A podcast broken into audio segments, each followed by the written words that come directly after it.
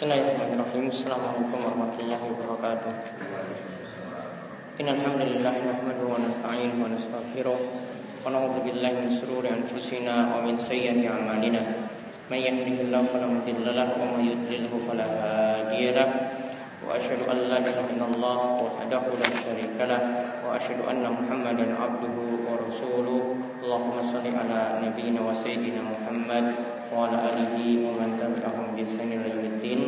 اللهم انفعنا بما علمتنا وعلمنا ما ينفعنا وزدنا علما. اللهم أصلح لنا ديننا التي هو عصمة أمرنا. وأصلح دنياي التي فيها معاشنا.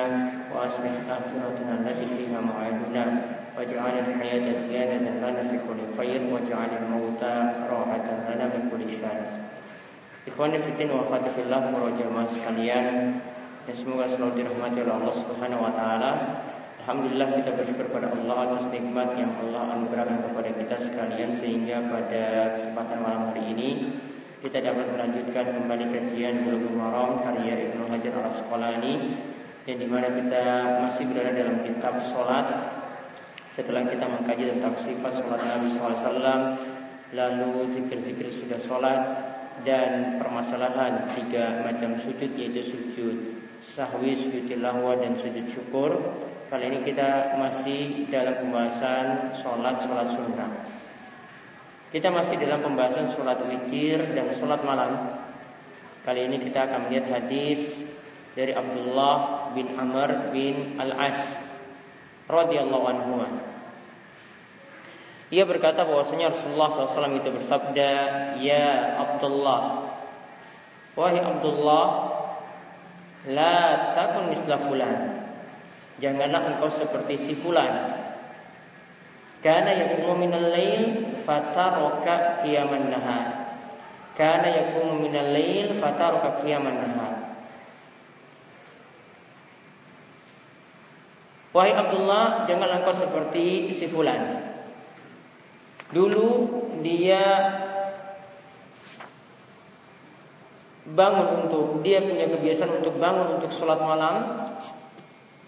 Ya, fataro kekiamal lain. Ya, kemudian dia meninggalkan sholat malam tersebut. Wahai Abdullah, janganlah engkau seperti si fulan, karena kamu minal lain.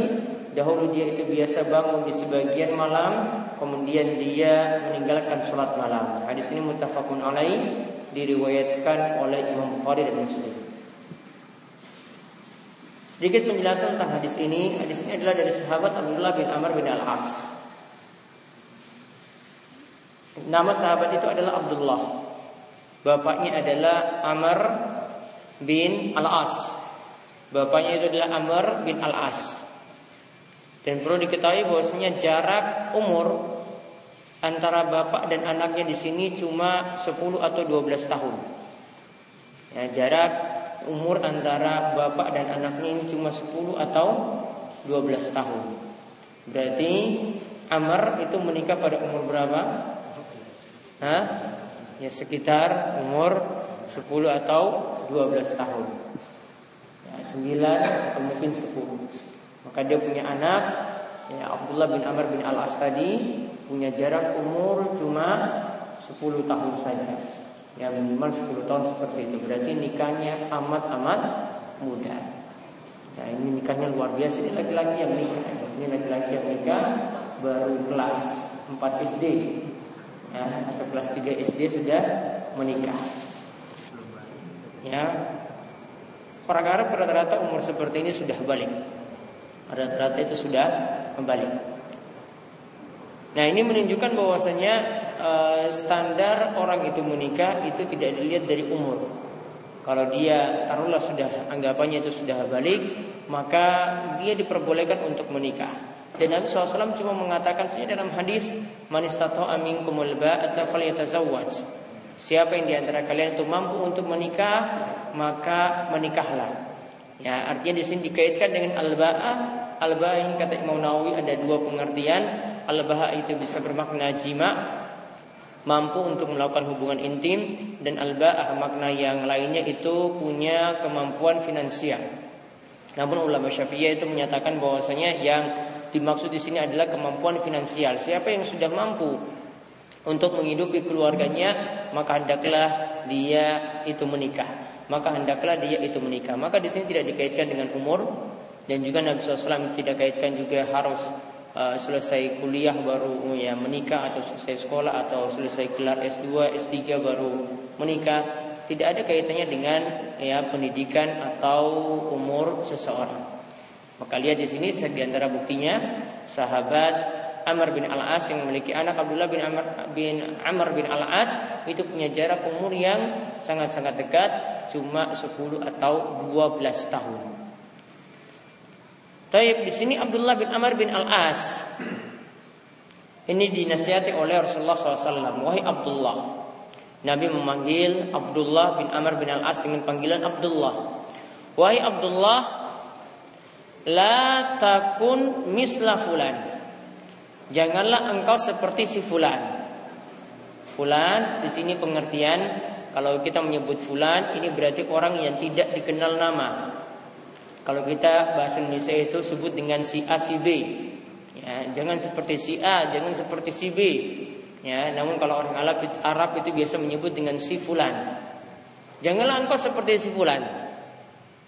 Dan di sini kalimatnya menunjukkan celaan. Dan Nabi SAW tidak menyebutkan siapa yang ingin dicela dalam hadis tersebut. Ini apakah si A yang namanya ini atau si B yang namanya ini Nabi SAW tidak menyebutkan. Di sini boleh jadi Nabi SAW itu sengaja menyembunyikannya untuk menjaga aib orang ini. Dan boleh jadi juga Abdullah bin Amr bin Al-As di sini yang menyembunyikan nama orang tersebut atau tidak mengetahui nama orang tersebut. Karena di sini yang lebih penting di sini isi hadisnya atau isi nasihatnya, bukan orangnya. Mau tunjuk hidung juga tidak ada manfaat. Yang penting di sini jangan tiru seperti ini. Yaitu Nabi SAW mengatakan, La takun misla fulan. Janganlah engkau seperti si fulan. Karena yakumu minal lail. Dahulu dia biasanya sholat malam. Dan di sini dikatakan yakumu minal lail. Dia biasanya sholat di sebagian malam. Artinya tidak seluruh malam. Dan perlu diketahui bahwasanya Abdullah bin Amr bin Al-As ini di antara sahabat yang rajin ibadah. Sampai-sampai dia punya niatan pernah dia mengatakan kepada Nabi SAW, saya ingin puasa setahun penuh, yaitu puasa dahar. Ya, tetap di sini tidak termasuk Idul Fitri, Idul Adha atau hari Tashrik. Pokoknya selain hari itu dia ingin puasa terus menerus setiap harinya. Dan juga dia punya niatan dia ajukan kepada Nabi SAW Wahai Nabi SAW Saya juga ingin sholat malam Semalam suntuk Tidak mau tidur Maka ketika itu Nabi SAW nasihatin kepada Abdullah bin Amr bin Al-As Kalau kamu ingin puasa Maka maksimal itu puasa Daud Yaitu sehari puasa Sehari tidak puasa Kalau engkau ingin sholat malam maka tetap engkau tidur dan nanti di akhir malam engkau bangun untuk melaksanakan sholat malam. Jadi tidak diperintahkan untuk melaksanakan sholat semalam suntuk. Nah di sini dikatakan jangan engkau seperti si bulan. Wahai Abdullah jangan engkau seperti si bulan. Dulu dia biasanya sholat malam. Fataro kakiyamal lail. Lalu dia meninggalkan sholat malam tersebut. Lalu dia meninggalkan sholat malam tersebut. Maka beberapa faedah yang bisa kita ambil dalam hadis ini yang pertama tentang keutamaan sholat malam. Ya, hadis ini menjelaskan tentang keutamaan sholat malam. Karena orang yang meninggalkan sholat malam itu dicela. Karena orang yang meninggalkan sholat malam itu dicela. Namun di sini bukan celaan yang keras, ya karena ini adalah amalan sunnah ya, amalan sunnah itu tidak mendapatkan celaan yang keras kecuali dalam amalan-amalan yang wajib misalnya Nabi SAW itu menyebut al-bakhilu allazi zukirtu indahu falam yusalli alaih ya kata Nabi SAW ya termasuk orang yang pelit jika namaku itu disebut di sampingnya lantas dia tidak berselawat untukku Ibnu Qayyim ini mengatakan bahwasanya ini adalah celaan yang keras karena sampai disebut orang yang pelit. Dan beliau katakan bahwasanya tidak mungkin perkataan ini atau sabda ini ditujukan untuk amalan yang sunnah. Berarti kalau Nabi SAW itu namanya disebut, maka kata Ibn Qayyim wajib untuk berselawat kepada beliau Shallallahu Alaihi Wasallam. Inilah pendapat sebagian ulama yang menyatakan berselawat atas nama Nabi ketika nama Nabi SAW itu disebut hukumnya wajib.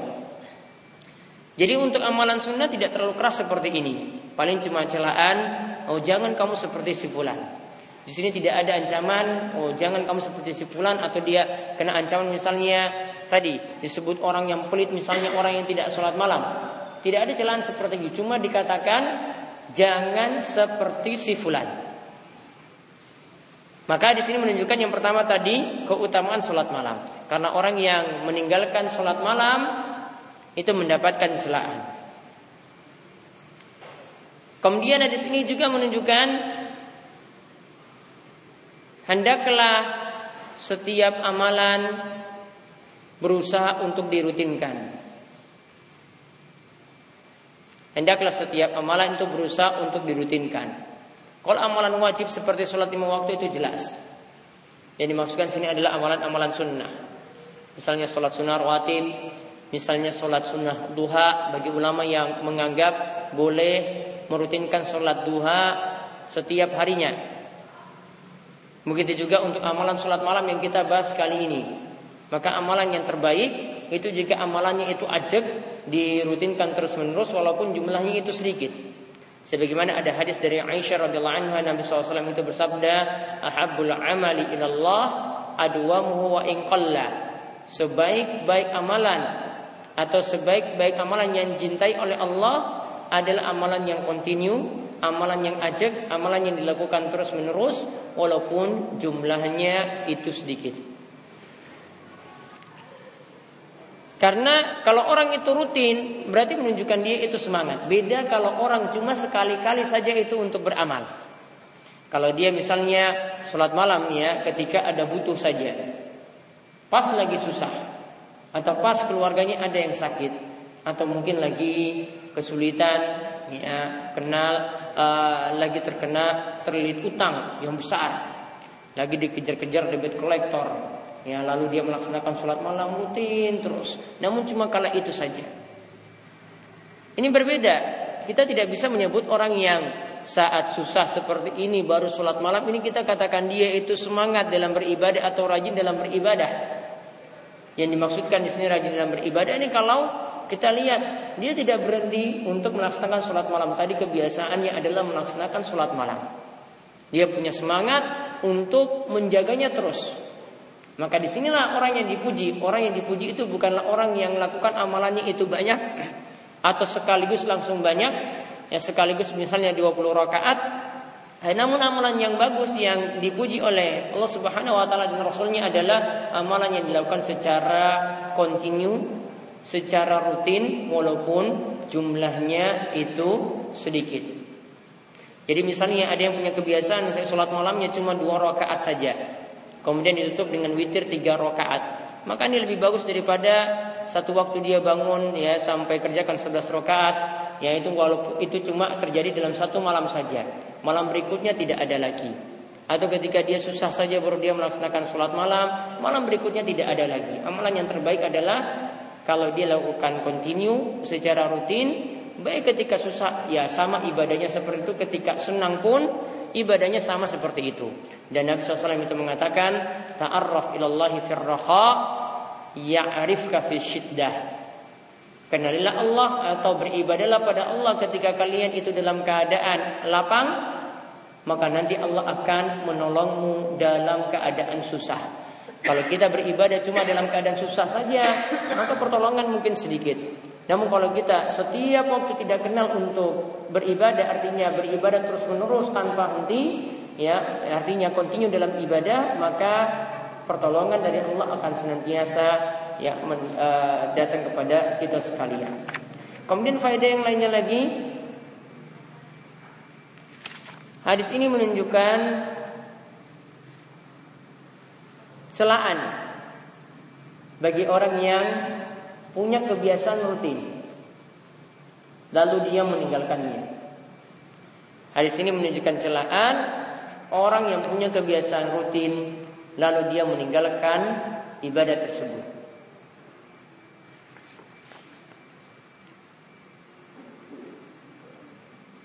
Artinya di sini tadi sebagaimana disebutkan kalau sudah punya kebiasaan rutin ini tetaplah dijaga. Walaupun nantinya cuma sedikit dari ibadah tersebut yang dia lakukan.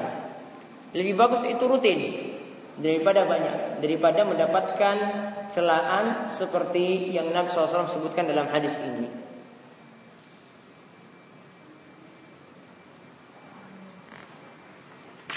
Kemudian hadis yang berikutnya, hadis dari Ali radhiyallahu anhu. Ia berkata bahwasanya Rasulullah SAW itu bersabda. Ini adalah pembahasan sholat witir. Kalau tadi eh, kita melihat eh, perintah untuk merutinkan sholat malam. Sekarang ada adalah pembahasan sholat witir. Di sini disebutkan oleh Nabi SAW dari Ali bin Abi Thalib radhiyallahu anhu, "Autiru ya ahlal Quran, fa inna Allah witrun yuhibbul witra." Lakukanlah sholat witir, wahai ahli Al-Quran. Yang dimaksudkan dengan ahli Al-Quran di sini kata Syekh Muhammad bin Saleh Al Utsaimin, ya ini yang dimaksudkan adalah kaum muslimin. Jadi kalau kita mau terjemahkan, ya, wahai kaum muslimin, lakukanlah sholat witir. Jadi bukan khusus untuk orang yang ahli Al-Quran, bukan khusus untuk orang yang hafal Al-Quran, bukan khusus untuk orang yang rajin baca Al-Quran. Namun yang dimaksudkan dengan ahli Al-Quran dalam hadis ini, kata Syekh Muhammad bin Saleh Utsaimin, yang dimaksudkan adalah kaum muslimin secara umum.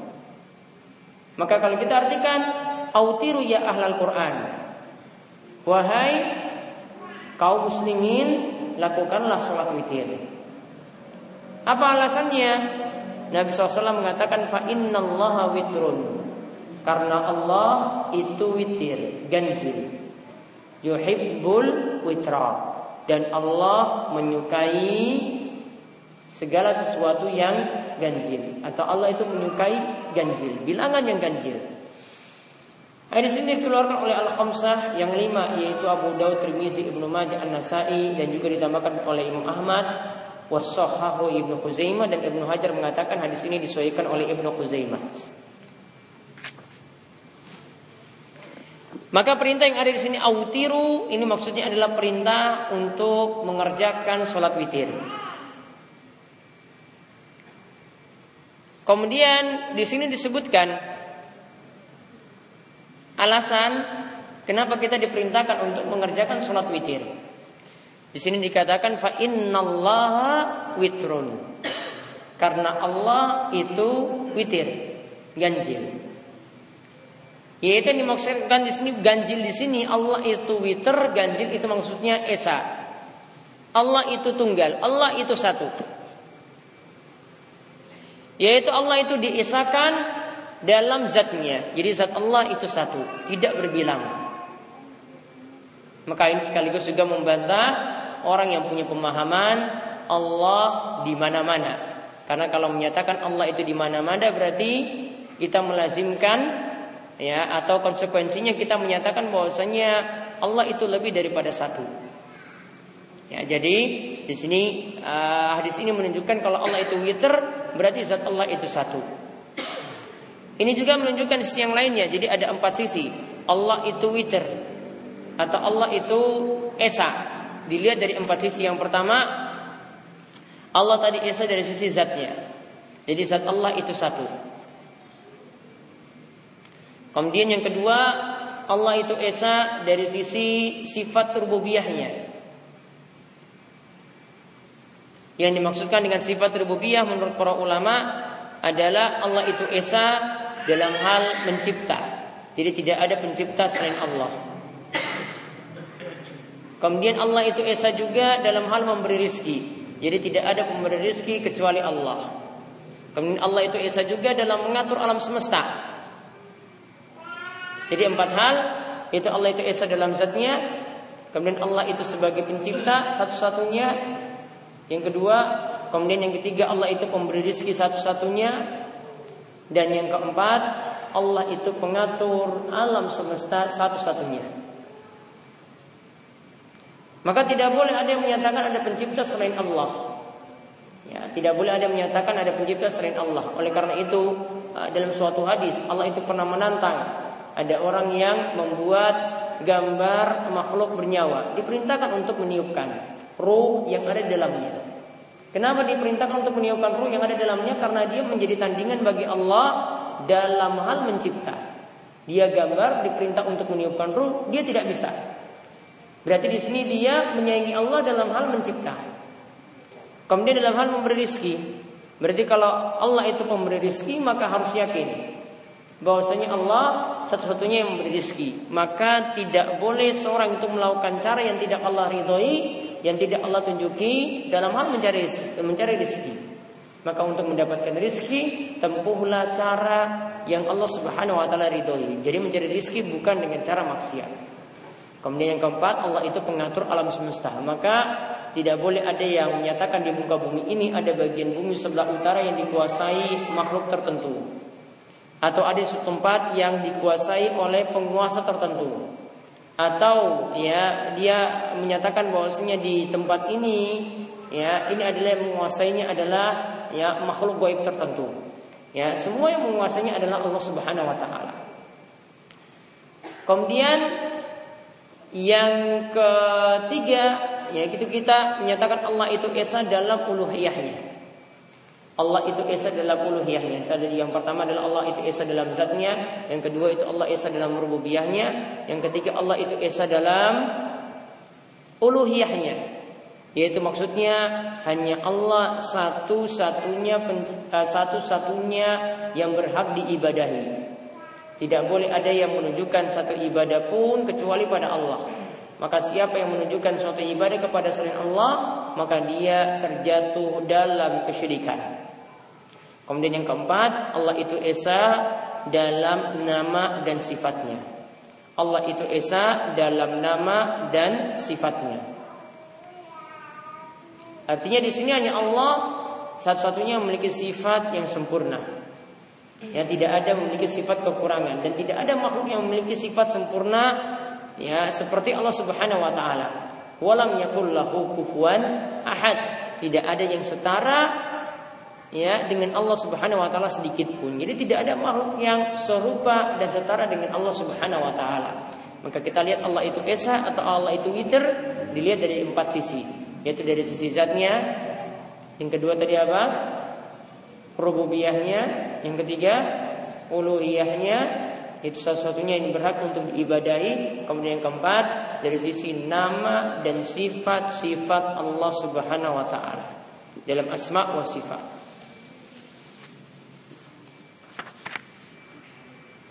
Kemudian dikatakan sini fa innallaha witrun yuhibbul witra. Allah itu menyukai yang ganjil. Allah itu menyukai yang ganjil.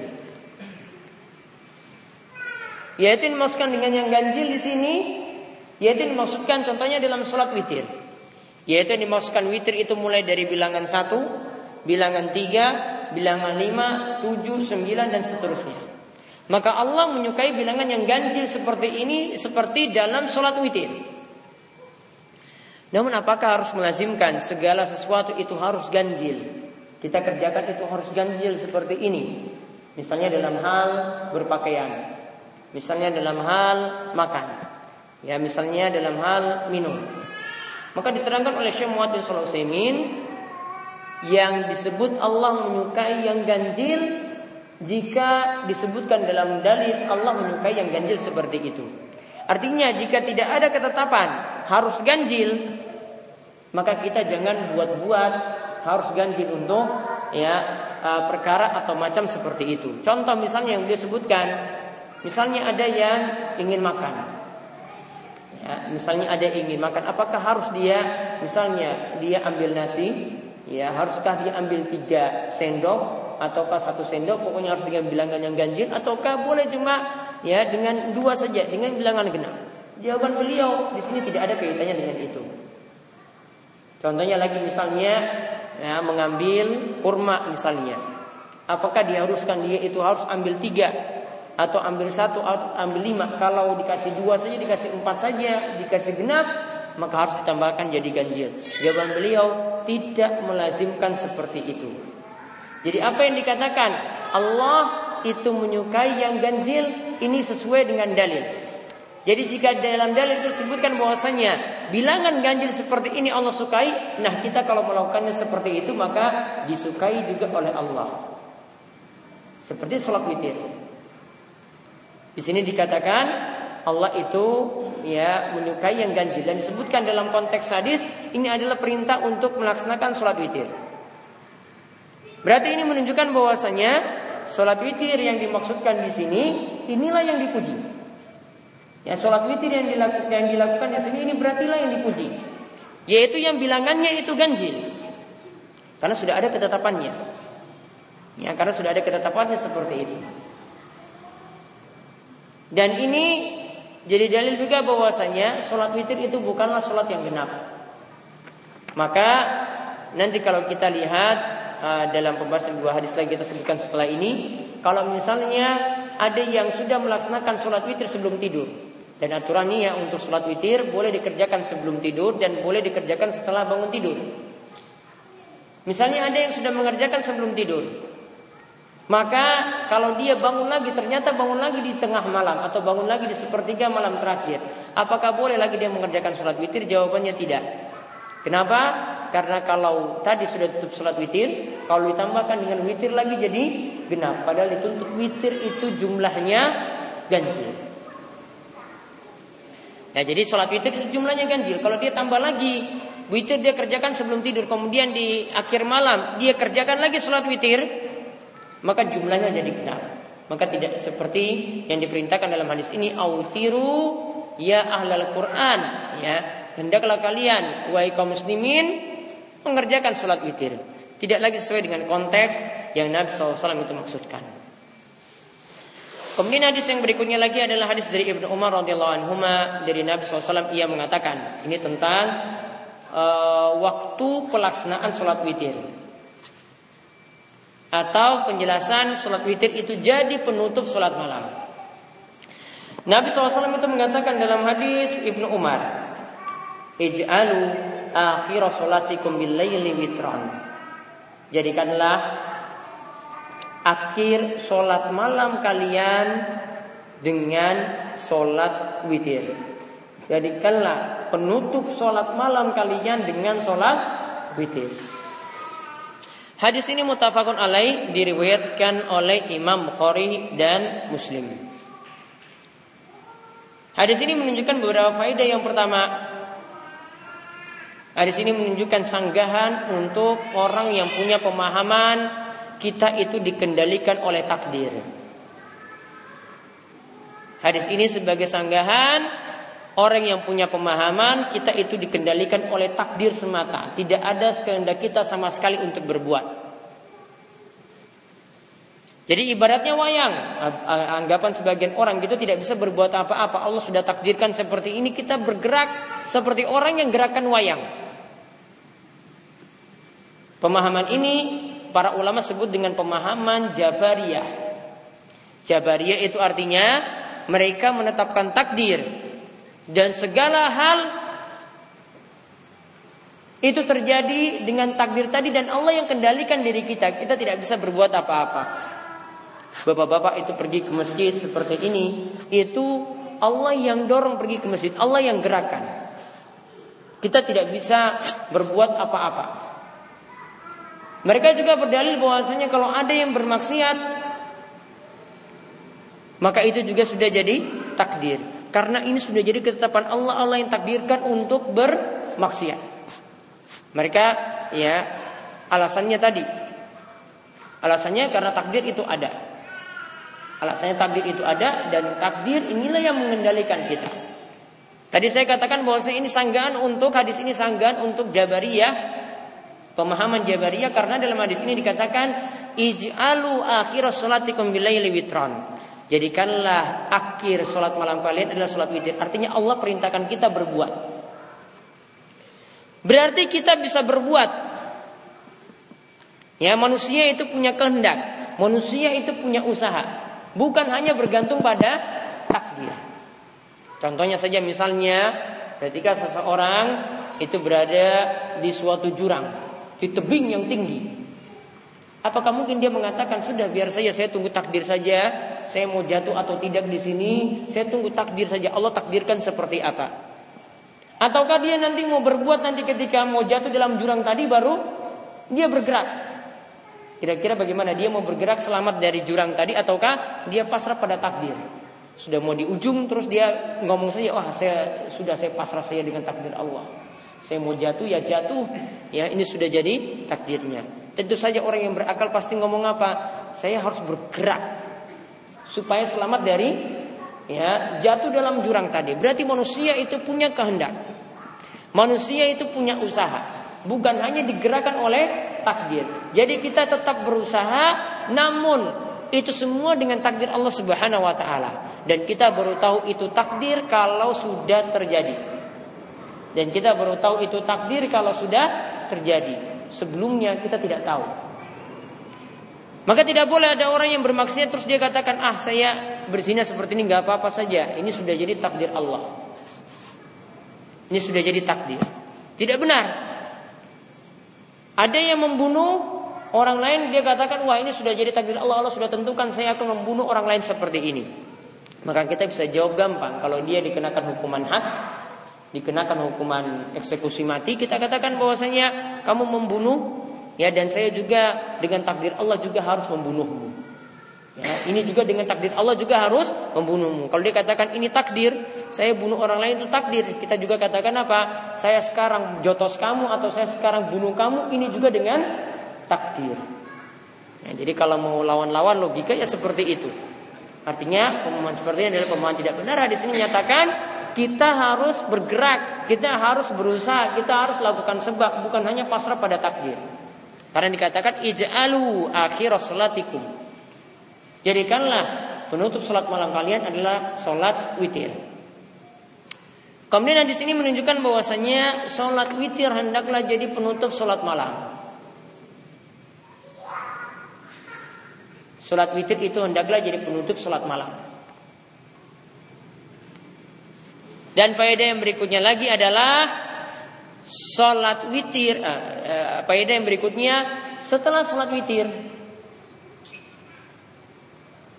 tidak ada larangan untuk mengerjakan sholat sunnah lagi. Jadi kalau kita sudah tutup dengan sholat witir, Ternyata kita bangun lagi di tengah malam atau bangun lagi di malam terakhir. Maka kita masih boleh mengerjakan sholat sunnah lagi. Kenapa? Karena dalam hadis ini cuma dikatakan jadikan akhir sholat malam kalian adalah sholat witir. Tidak dikatakan jangan sholat sunnah lagi setelah sholat witir. Pernyataannya berbeda.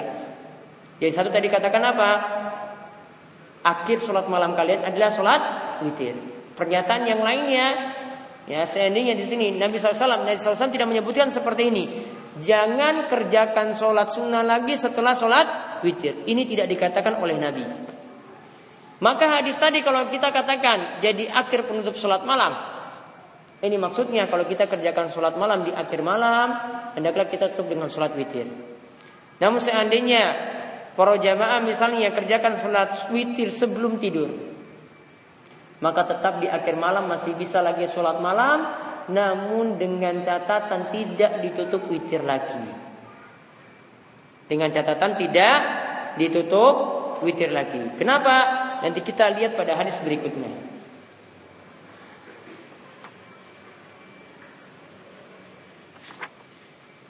Dan hadis ini jadi sebagai dalil sebagian ulama yang menyatakan sholat witir hukumnya wajib. Namun yang lebih tepat seperti yang kita telah ulas sebelumnya, sholat witir hukumnya adalah sunnah, bukanlah wajib dan inilah pendapat yang jadi pendapat dari mayoritas ulama atau jumhur ulama. Nah kita kembali tadi, kenapa kalau kita sudah sholat malam, eh, sholat witir sebelum tidur, Ketika kita bangun lagi di akhir malam tidak witir lagi dua kali, lihat ya hadis yang ada berikutnya yaitu hadis dari Talak bin Ali radhiyallahu anhu. Ia berkata, Sami itu Rasulullah SAW yaqul. Aku mendengar Rasulullah SAW bersabda, La witrani fi lailatin. Tidak ada dua witir dalam satu malam. La witrani fi lailatin. Tidak ada dua witir dalam satu malam. Hadis ini rawahu Ahmad wa salasa dikeluarkan oleh Ahmad dan yang tiga wasahahu Ibnu Hibban dan disahihkan oleh Ibnu Hibban.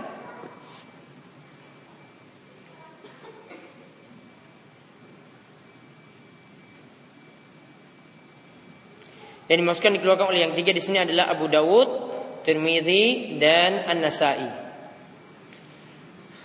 Maka hadis yang tadi disebutkan ij'alu akhir salatikum billaili witron jadikanlah akhir salat malam kalian itu adalah salat witir.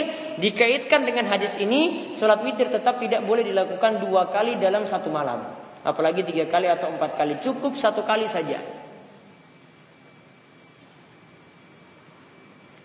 Dan hadis ini juga membantah sebagai sanggahan pada sebagian ulama yang katakan jika misalnya kita sudah sholat witir sebelum tidur dengan rokaat yang ganjil, ya mereka menyatakan bahwasanya kalau bangun lagi di malam hari witirnya dijadikan genap.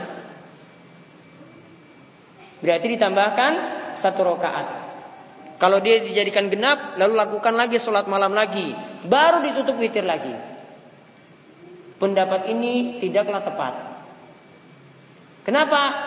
Ya, tidak ada perintah dari Nabi SAW kerjakan ya sholat witir tadi. Kalau kita bangun lagi di akhir malam diperintahkan seperti itu tidak ada.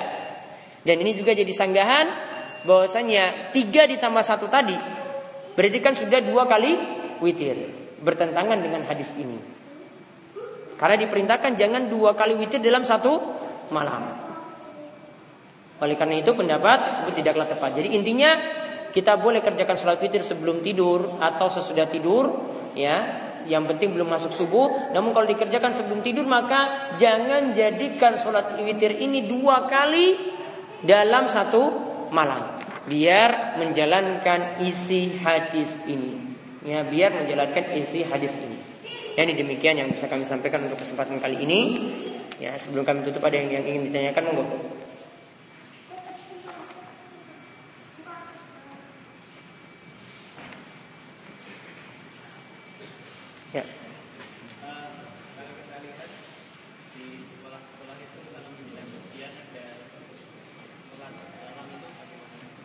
Di sekolah-sekolah menjelang ujian itu ada sholat malam berjamaah. Jadi mereka kumpul di situ kemudian melakukan sholat malam berjamaah. Kalau tujuannya untuk mendidik ya tidak masalah. Ya ini suatu bentuk pendidikan ya didikan kepada anak didik biar mereka itu bangun malam sekali-sekali dilakukan tidak ada masalah. Ya selama tujuannya untuk itu. Ya namun kalau ada ritual-ritual khusus ya ada maksud-maksud tertentu yang tidak boleh. Selama untuk mendidik saja ya tidak masalah seperti itu. Allah Ada lagi?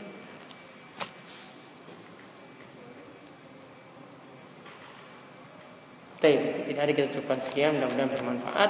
Nanti insya Allah pada kesempatan berikut kita Masih lanjutkan lagi tentang pembahasan Sulat-sulat sunnah yang lainnya. Subhanakallahumma bihamdika Asyadu ala ilaha illa anta wa atubu Assalamualaikum warahmatullahi wabarakatuh